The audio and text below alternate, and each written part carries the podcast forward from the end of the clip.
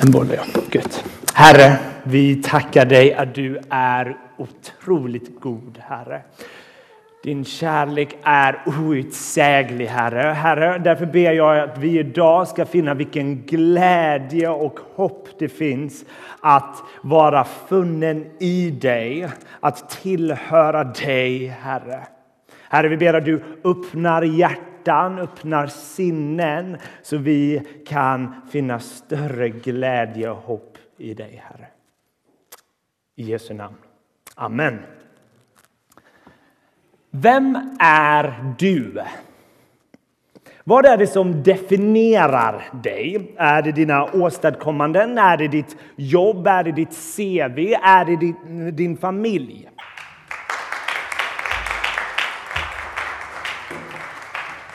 Musiker, vi kanske är någon form av affärsman, student, en mamma, en mormor, en far och så vidare. Och vi har flera saker som är sant om oss, som är del av vår identitet. Men vem är vi verkligen? Vad är vår primära identitet? En del av er kanske definierar er utifrån era misslyckanden. Jag är personen som sabbade allt. Andra kanske definierar er själva utifrån era kommande framgångar. Att jag är personen som har potential och världen behöver bara upptäcka mig. Men en del av er kanske verkligen brottas med vem ni är. Det kanske är så att ni har stått på en grund och den har ryckts undan och ni har tappat all fäste om vem ni är. Ni kanske blivit svikna, lämnade, ni kanske förlorat ett liv. Utan ängelns budskap finner inte mening. Din självgrund har, eh, din självförståelse och bild har förstörts. Men i Efesierbrevet 1 finns det så vackra och underbara sanningar som du aldrig kommer höra någon annanstans i universum förutom där ordet läses eller förkunnas. Här får vi höra om en okränkbar identitet, en orubblig identitet. En identitet vi inte kan vinna eller etablera, men en identitet som vi kan ta emot som en gåva ifrån Gud. Så jag kommer försöka en, idag eh, prata först en hel del om hur jag tror att vi lever i en värld som försöker ständigt forma vår identitet efter ett rike som inte är Guds rike. Hur denna världen vill forma hur vi tänker om oss själva. Och jag vill påstå att det pågår just nu eh, en krig, en strid om din identitet, över vem du är. Så min uppgift idag är två saker. Jag vill avslöja vad denna världen försöker göra, hur denna världen försöker forma oss på ett sätt som är inte i linje med Kristus. Och jag vill också peka på ljuset som avslöjar all mörker och visa vilket otroligt hopp det finns i personen Jesus Kristus som har gett oss ett nytt namn och en ny identitet. Men vi lever i en ovanlig tid. Det tycks vara så att människor lever med mer identitetsångest och har någon form av identitetskrig. Man upplever det mer frekvent än någonsin eh, i historien. Det tycks som att man behöver inte vänta till medelåldern för att få en kris. Ingen ålder är säker längre. Och det tycks vara svårt att finna vem vi är Även om det är någonting vår kultur ständigt pratar om. Och vi kan märka att det har skett ett skifte. Förr i mer traditionella samhällen så var din identitet väldigt kopplad till din födsel. Du, du förväntades att bo kvar i den stad du föddes i. Du förväntades att arbeta med samma jobb som dina föräldrar gjorde och du förväntades att gifta dig med en viss typ av person. Allt det där har förändrats. I det moderna samhället idag har man hoppat kanske över till andra diket. För det vi ständigt hör idag är att vi måste vara sann till oss själva. Vi har hört att sättet att finna oss själva är att titta inom oss, leta upp oss själva och sen försöka förverkliga och förkroppsliga vad som pågår här inne. Vi matas ständigt med att vi ska välja vår egen identitet. Och det finns en eh, kanadensisk filosof som heter Charles Taylor. Och han kallar vår tid, den tiden vi lever i, för the age of authenticity.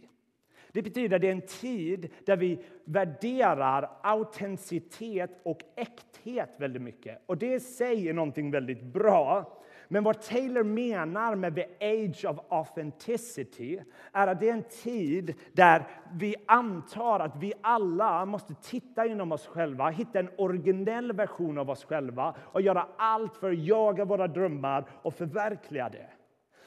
Vår identitet får absolut inte komma något, från något utanför oss, någon form av extern auktoritet. Inget utanför oss får namnge oss. För den identitet som kommer utanför oss är varken autentisk eller originell.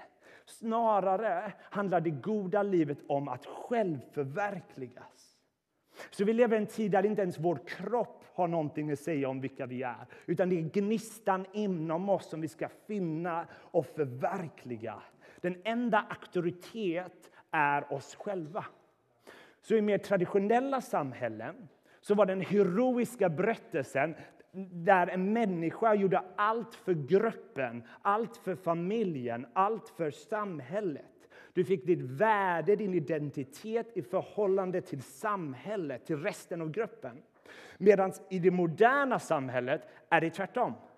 Det är den som kollar inom sig och bara finner sin egen identitet här inne och ska stå upp för den Speciellt när samhället säger tvärtom. Speciellt när familjen säger tvärtom. Det är 80% av varenda Hollywoodfilm du har sett. Kolla till dig själv. Förverkliga vad som pågår här inne. Låt ingen säga vem du är. Så i denna visionen så finner du din identitet och det är ditt värde i dig själv. Så vid age of authenticity värderar allt som är nytt och originellt och förkastar allt som är gammalt och allt som vi kan ärva från äldre generationer. Och jag tycker det här har präglat många kyrkor och hur vi predikar evangeliet idag. Många kyrkor tycks predika evangeliet så här. Det handlar om att du ska finna dig själv, jaga dina drömmar, framgång. Allt handlar om att uppnå din högsta potential. Där Gud är den, din kosmiska peppcoach. I denna världssyn så är synd inte att mista Guds härlighet. Det är snarare att inte nå upp till den potential du har. Synd är snarare att misslyckas att vara sann till dig själv. Så vi lever i en tid där vi älskar att skapa vår identitet. Men vi har inte längre någon rot. Vi kommer inte längre från någonstans. Vi ska skapa vår identitet ur ingenting. Och som ni kanske anar så kommer jag vara skeptisk mot det här. Jag kommer vilja ge en biblisk kritik på den här moderna visionen. Men när jag säger det betyder det inte att jag tycker vi ska gå tillbaka till det traditionella sättet. Jag är glad att jag kan flytta hur som helst. Jag är glad att jag inte behöver arbeta med samma sak som min pappa gör, även om jag typ gör det. Men, men jag är glad att jag kunde valt något annat. Så jag, mitt resonemang är inte det var bättre förr, utan vissa saker var bättre förr och vissa saker var sämre förr och vissa saker är bättre nu och vissa saker är sämre nu. Och att jag vill ge ett tredje alternativ till det traditionella och det moderna som är det kristna, som jag skulle vilja säga. Som jag tror eh, leder till sann frihet. Så vi matar ständigt med små slogans. Känn dig själv, bli dig själv, var dig själv, var sann till dig själv. Och ifrågasätta dessa små ordspråk är som att ifrågasätta luften vi andas i nu för tiden. Det är en sån självklarhet i dagens mentalitet. Så folk tittar på en som om man är galen om man skulle ifrågasätta detta. Men vad är problemet med, här, med den här moderna visionen av identitet? Problemet är att den funkar inte den funkar inte. Den utlovar frihet, men kan inte ge vad den utlovar. Den kan inte ge vad endast Kristus kan ge. Och jag tror det bidrar till mer identitetskris. Det är därför folk mår sämre. För det här sättet att vara i världen fungerar inte. Det maskerar som frihet. För det är en illusion. Jag är övertygad om att vi egentligen inte kan välja vår identitet helt frånkopplat från externa faktorer. Jag tror fortfarande, även om vår kultur säger välj vem du är själv, så funkar det aldrig. Den eh, amerikanska pastorn Tim Keller brukar ge följande exempel. Han brukar säga så här.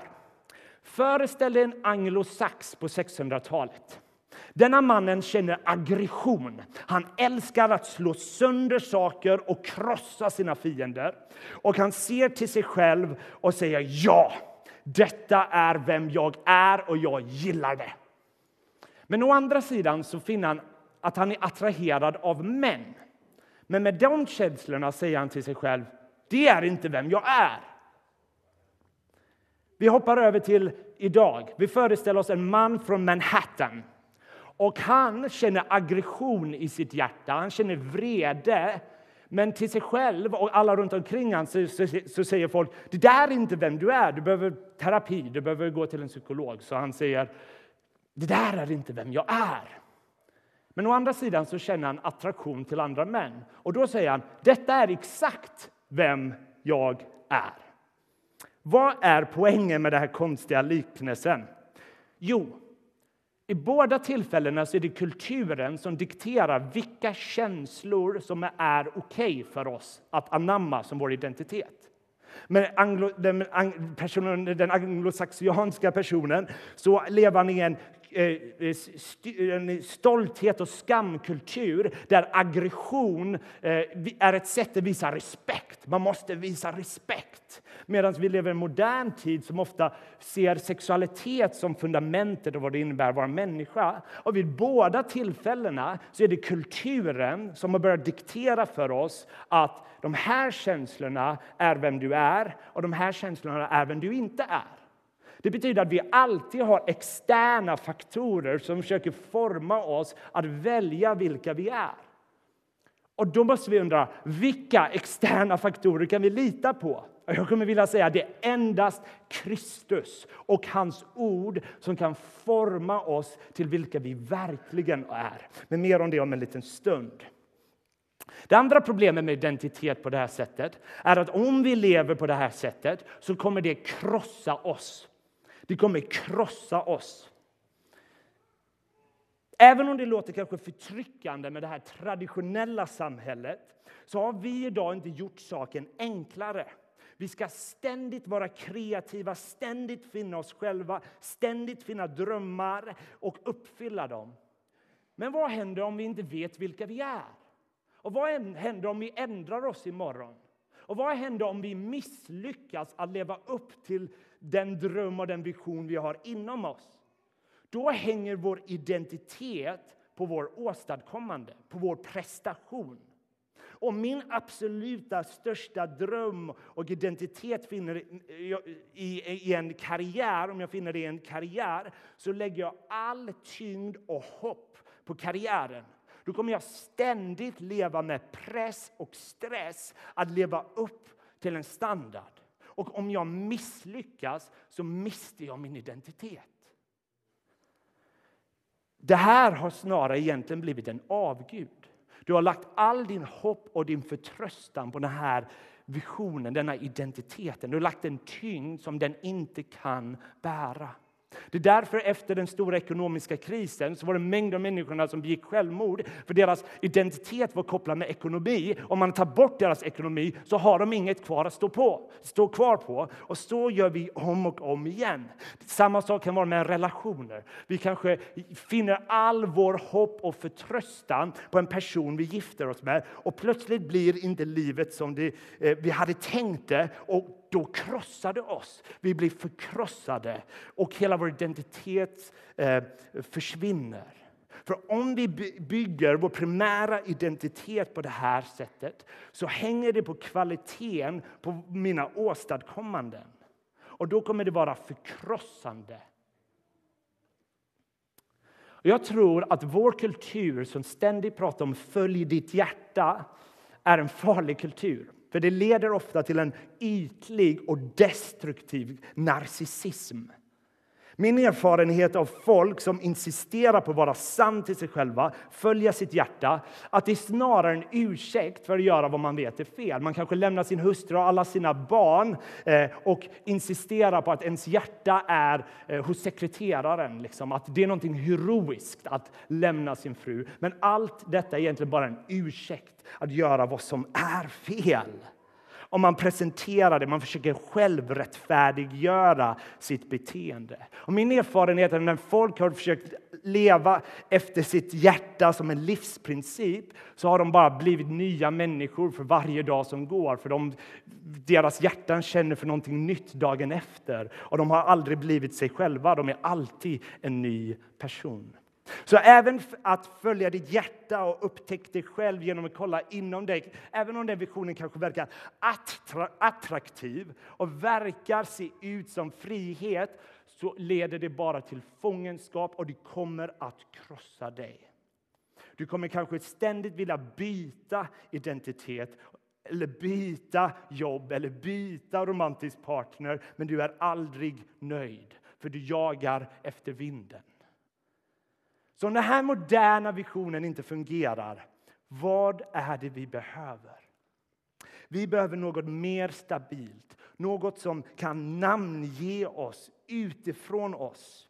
Du behöver någon som ger dig en identitet som är stabil, orubblig. För ditt känsloliv kommer aldrig vara stabilt och orubbligt. Du kommer behöva någon som aldrig sviker dig och någon som ger dig ett värde oberoende av omständigheterna. Och här kommer Paulus med ofantligt goda nyheter. Vi har hört en magisk text från Efesierbrevet som vi hade kunnat spendera massa tid med. Jag kommer bara, bara prata jättekort om den. Men Paulus, i dessa verser, 14 verser vi har hört, så betonar Paulus två ord. Två ord som återkommer om och om igen. Och Det är orden i Kristus, i honom, i Kristus. I dessa 14 verser säger han elva gånger i honom, i Kristus. Han pratar om tanken och visionen att alla som tror och förtröstar på Jesus har förenats med honom genom den heliga Ande och funnen i honom och fått alla välsignelser som finns i Jesus Kristus. Det finns över 250 referenser i Nya testamentet till i honom, i Kristus. Det här är någonting som Nya testamentets författare ständigt ville prata om. För Det här handlar om hur vi ska se på vår identitet. För evangeliet handlar om att när vi tror på Kristus, när vi, är för, när vi förtröstar på honom så vävs vi in, vi kastas upp in i honom. Den helige Ande förenar oss med honom. Och att Kristus han är vårt huvud som ger oss näring och vi är hans kropp. Och att när vi är i honom så får vi det som är sant om honom. Det blir plötsligt sant om oss. Så vers 3 i texten det är som en rubrik och en sammanfattning av allt han säger. Där han säger Välsignad är vår Herre Jesu Kristi Gud och Far som i Kristus har välsignat oss med all andlig välsignelse i himlen. Paulus försöker berätta att alla välsignelser en kristen får är kopplat till personen Jesus Kristus. Så i Efesierbrevet kapitel 1 så räknar Paulus upp välsignelser som är sant för varenda kristen som är funnen i honom. Så han säger i Kristus är vi heliga, i Kristus är vi älskade, i Kristus är vi Guds barn som betyder att vi har fått Jesus egna rättighet att kalla Fadern för pappa vi får, får, det, får det som en gåva så vi i frimodighet får träda in till vår fader och säga pappa. Och det är sant för vi är i Kristus och han har gett det till oss. Så I andra texter i Paulus brev så säger han att i Kristus är vi en ny skapelse. Eller i Kristus har vi dött och uppstått med honom. Som betyder att hans död räknas nu som min och hans uppståndelse räknas nu som min. Så att i Kolosserbrevet 3 kan Paulus till och med tala om att Kristus är vårt liv. Så dessa sanningar som sägs är sant om dig som är i Kristus oavsett om du upplever det emotionellt eller inte. Om du förtröstar på Jesus som din Herre så är du Guds son, Guds dotter, Guds älskade, Guds helige. Du bjuds in till att få en ny identitet. Och du bjuds in att göra det Bibeln kallar att iklä sig Kristus. Vi klär oss hans status och hans identitet. Så alla dessa välsignelser är dina om du är funnen i Jesus Kristus. Du kan inte bara ha några av dessa välsignelser, för vi får alla dessa välsignelser om vi är i Jesus. Och Detta är fundamentalt att vi som kristna återkommer till, påminner varandra om. För vi ser på oss själva tror jag, ständigt, alltid utifrån omständigheterna. Fick jag jobbet eller inte? Lyckades jag med detta eller inte? Ens identitet står och faller på omständigheterna. Så om du bygger ditt liv på att säga att du har en briljant atletisk förmåga, du är en grym fotbollsspelare eller du är vacker och populär. Allt det kan rasera på en sekund med en bilkrasch och du har förlorat allt om det är din identitet. Men om du finner din identitet i något som inte kan krascha, något som inte kan tas ifrån dig, då är din identitet orubblig. Och därför vill jag läsa för er en av mina favorittexter i hela Bibeln. Det här, det här är makalöst, så om ni har er bibel, ringa in det här. Romarbrevet 8, vers 35 och framåt. Så här skriver Paulus. Vem kan då skilja oss från Kristi kärlek? Nöd eller ångest, förföljelse eller svält, nakenhet, fara eller svärd. Det står ju skrivet, för din skull lider vi dödens kval dagen lång, vi har räknats som slaktfår.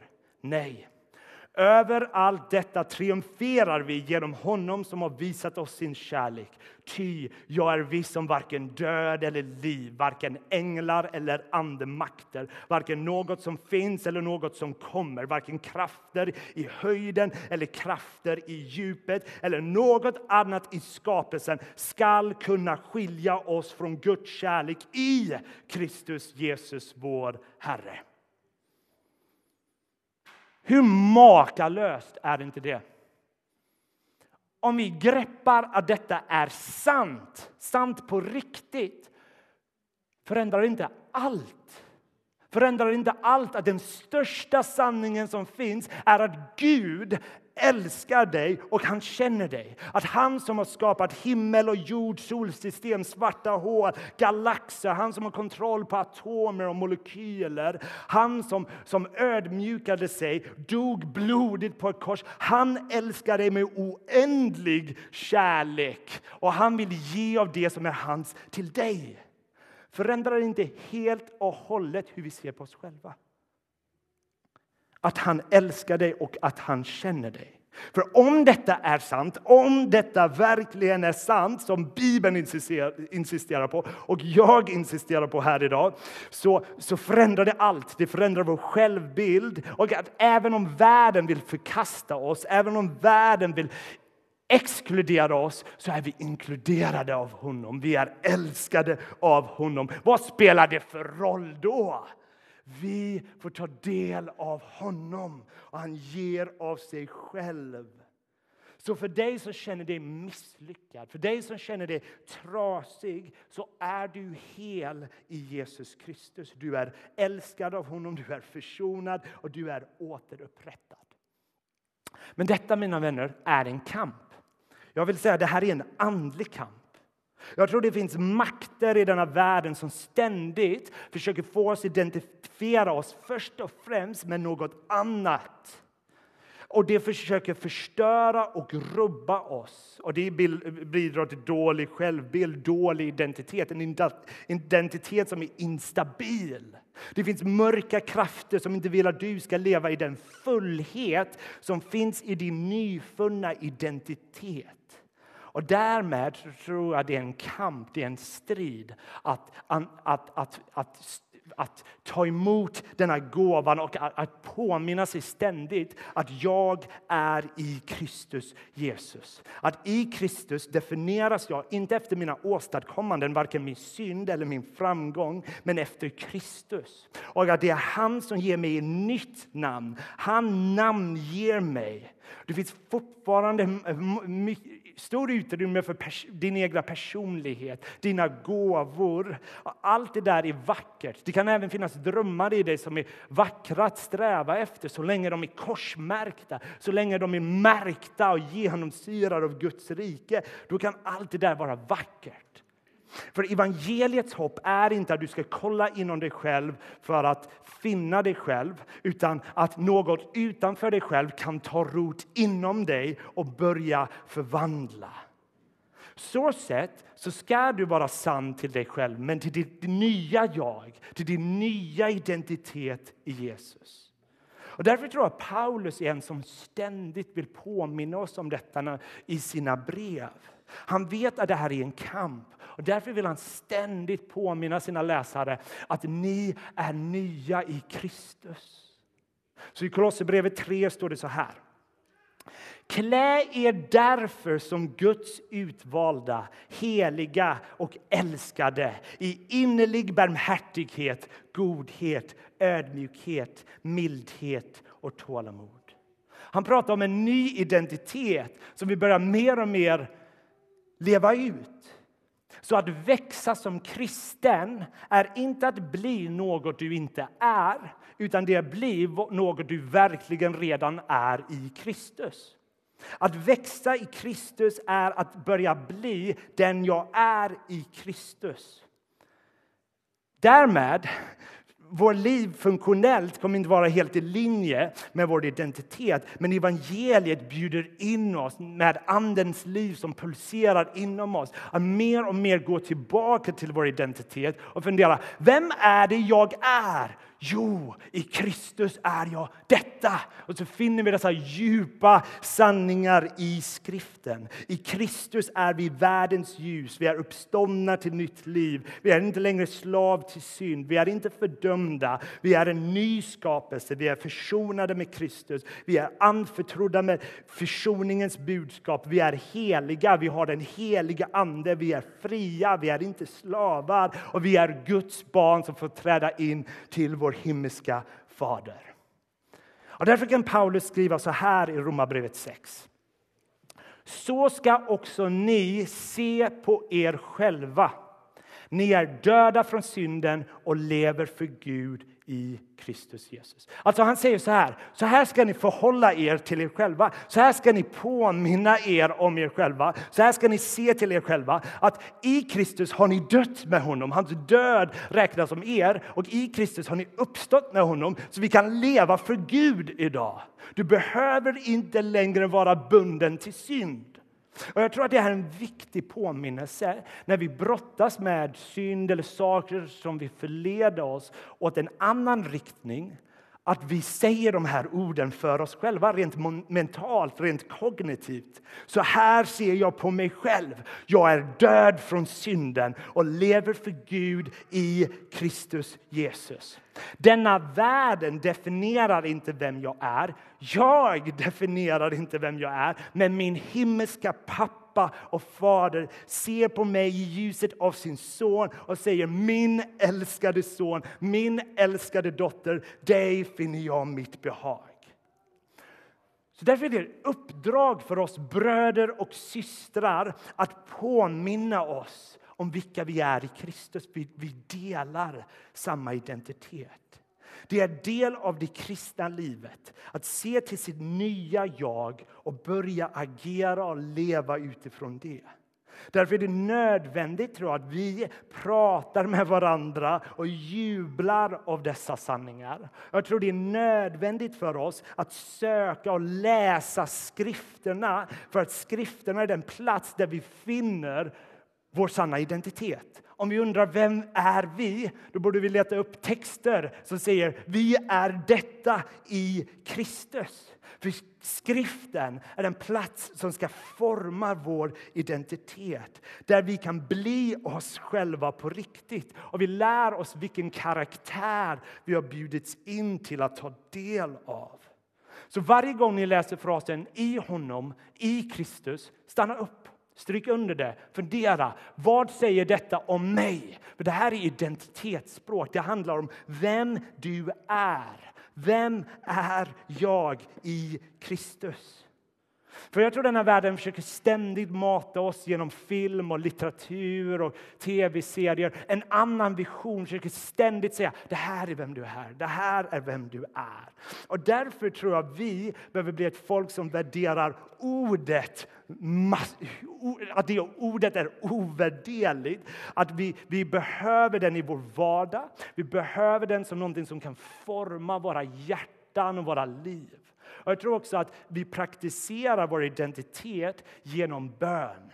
Där praktiserar vi att vi kommer inte till Gud som någon avlägsen släkting eller tjänare utan som hans älskade son och hans älskade dotter. Att praktisera sin identitet i Kristus gör vi när vi kommer och vill möta och vara med vår himmelska pappa och ta del av honom. Så formas vår identitet. Därmed så måste vi med Paulus påminna oss vilka är vi i Kristus. Har vi en identitet som är mer orubblig, mer bergfast än något annat i den här världen? Och Jesus ger av sin egna identitet. Och därför behöver vi en extern auktoritet. Vi behöver ordet, vi behöver Kristus, vi behöver gemenskap med Fadern. Så vi, vi mer och mer börjar växa till den vi har blivit, den Gud har förklarat oss att vara. Jag ska alldeles strax sluta här. Ehm, men jag håller ju på med teologi och det är väldigt... Förr i tiden så ehm, Innan jag började plugga teologi så var musik, jag skulle bli musiker. Jag märkte väldigt snabbt hur det blev min identitet. Att om jag spelade fel så förkrossade det mig. Det var liksom hela världen och ingen märkte att jag spelade fel, men jag vet att jag spelade fel. Och jag blev förkrossad av det där. Jag märkte verkligen att det här har blivit djupt, för, det blev min identitet. Och sen började jag plugga teologi och allt det där och, och, det var befriande. Men jag märkte att jag inte heller var fri från att börja identifiera mig med vad jag gör, även när det handlar om min kallelse. Jag märkte att min kallelse blev min identitet först och främst, snarare än vem jag är i Jesus Kristus. Och då var det en berättelse jag fick höra om en pastor på 1900-talet som berörde mig väldigt mycket.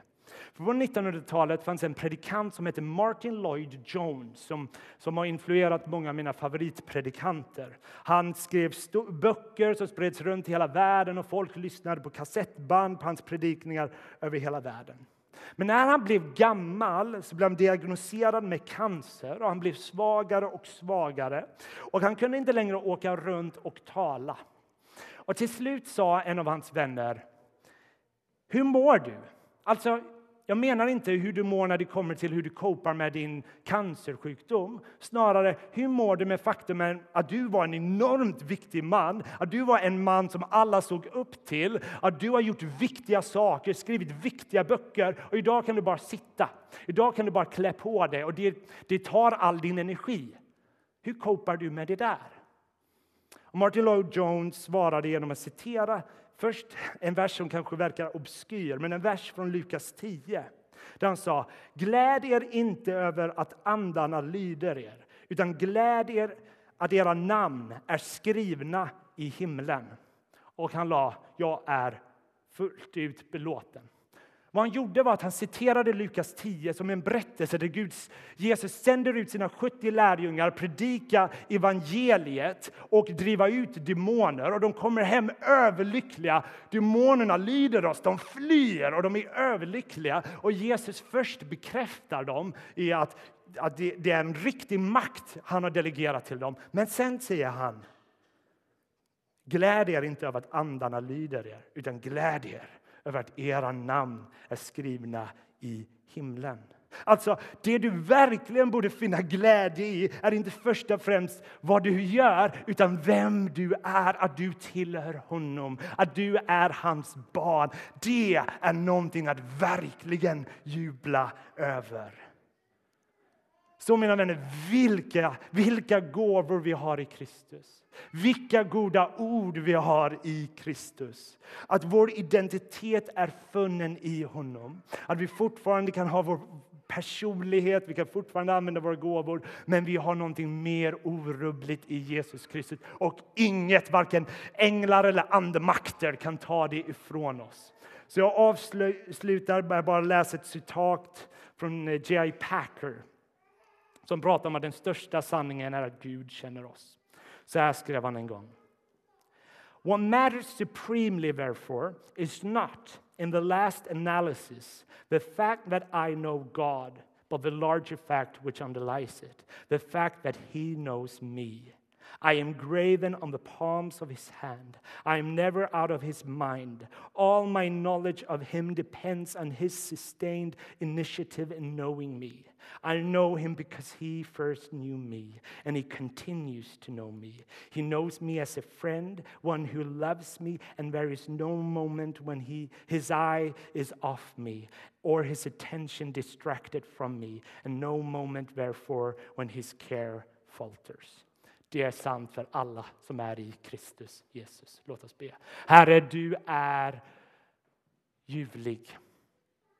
Det är ofattbart vad du har givit till oss, Herre. Vi, vi glömmer dessa saker. Vi hör ord som att du älskar oss och vi är fria i dig. Och vi glömmer att det här är verkligheter, Herre.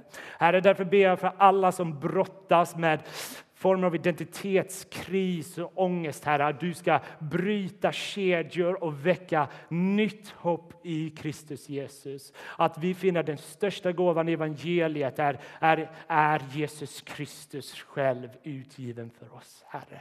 Så låt oss finna stor glädje i dessa sanningar. Amen.